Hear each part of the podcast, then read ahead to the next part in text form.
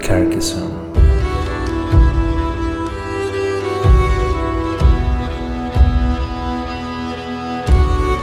Mi nombre es Joaquín y esto es Meeple Podcast.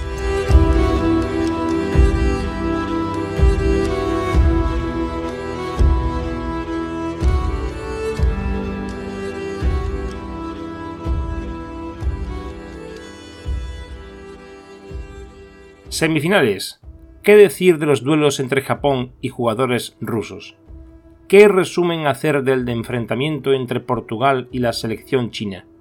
En el anterior episodio sobre el Mundial hice un sugestivo vaticinio en forma de pregunta retórica. ¿Habrá final asiática? Pues esto es lo que ha sucedido. Japón destroza literalmente al combinado ruso por 4 a 1. Someone you know ha sido el único jugador del equipo de RCP, ganando por 2-0 su duelo, que ha evitado un contundente o una contundente manita del actual campeón del mundo, que ya se perfila como favorito definitivo. Los jugadores rusos han perdido el resto de encuentros por el mismo resultado también de 2 0, para un total de partidas de 8-2 a favor de los del sol naciente. Y China, en este otro lado de los cruces, invita a pensar en lo más igualado de la contienda ante Portugal, con un total de 8 a 5 en duelos para una victoria de 3 a 2 que lleva repitiendo desde la fase de grupos ante todos sus rivales, exceptuando con España, la que ganó por 4 a 1, y sus dos únicos encuentros contados por derrota, el primero ante Reino Unido y el último ante RCP precisamente. Y digo yo que si China perdió ante los rusos en la fase de grupos y los rusos han salido machacados ante Japón, ¿Qué posibilidades tienen los del país de la famosa muralla ante los japos? Se verá en la final, porque nunca se sabe.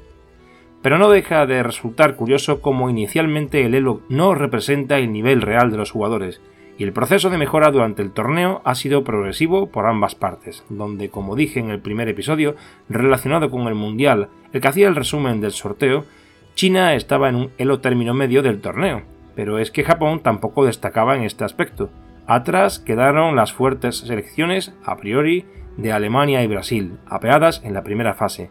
Y ahí seguían en semifinales cuatro equipos que habían salido derrotados en el primer encuentro de esa misma fase.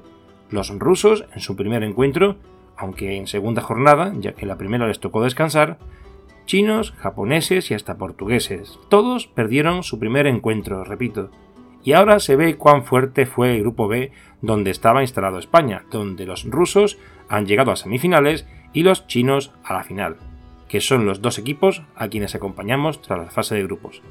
Y ahora bien, ¿revalidará el título Japón? Recordemos que es el único equipo nacional referente en el palmarés de esta competición al ganar las dos únicas ediciones existentes, 2020 y 2021. Y China solo jugó la primera edición, quedando séptima. Lo veremos esta semana. Y aún queda también otro encuentro válido al margen de la final, el encuentro por el tercer y cuarto puesto entre portugueses y rusos, la semana del evento del Nacional Español en Madrid y la final del evento clasificatorio para Essen de Carcassonne Cataluña, organizados por Debir y Carcassonne.cat respectivamente, deparará también el orden de estos cuatro cabezas de serie de la edición del Campeonato Mundial por equipos de Carcassonne Online de la edición de 2023. Deseamos la mejor de las suertes a ambas selecciones, Japón y China, y que gane el mejor.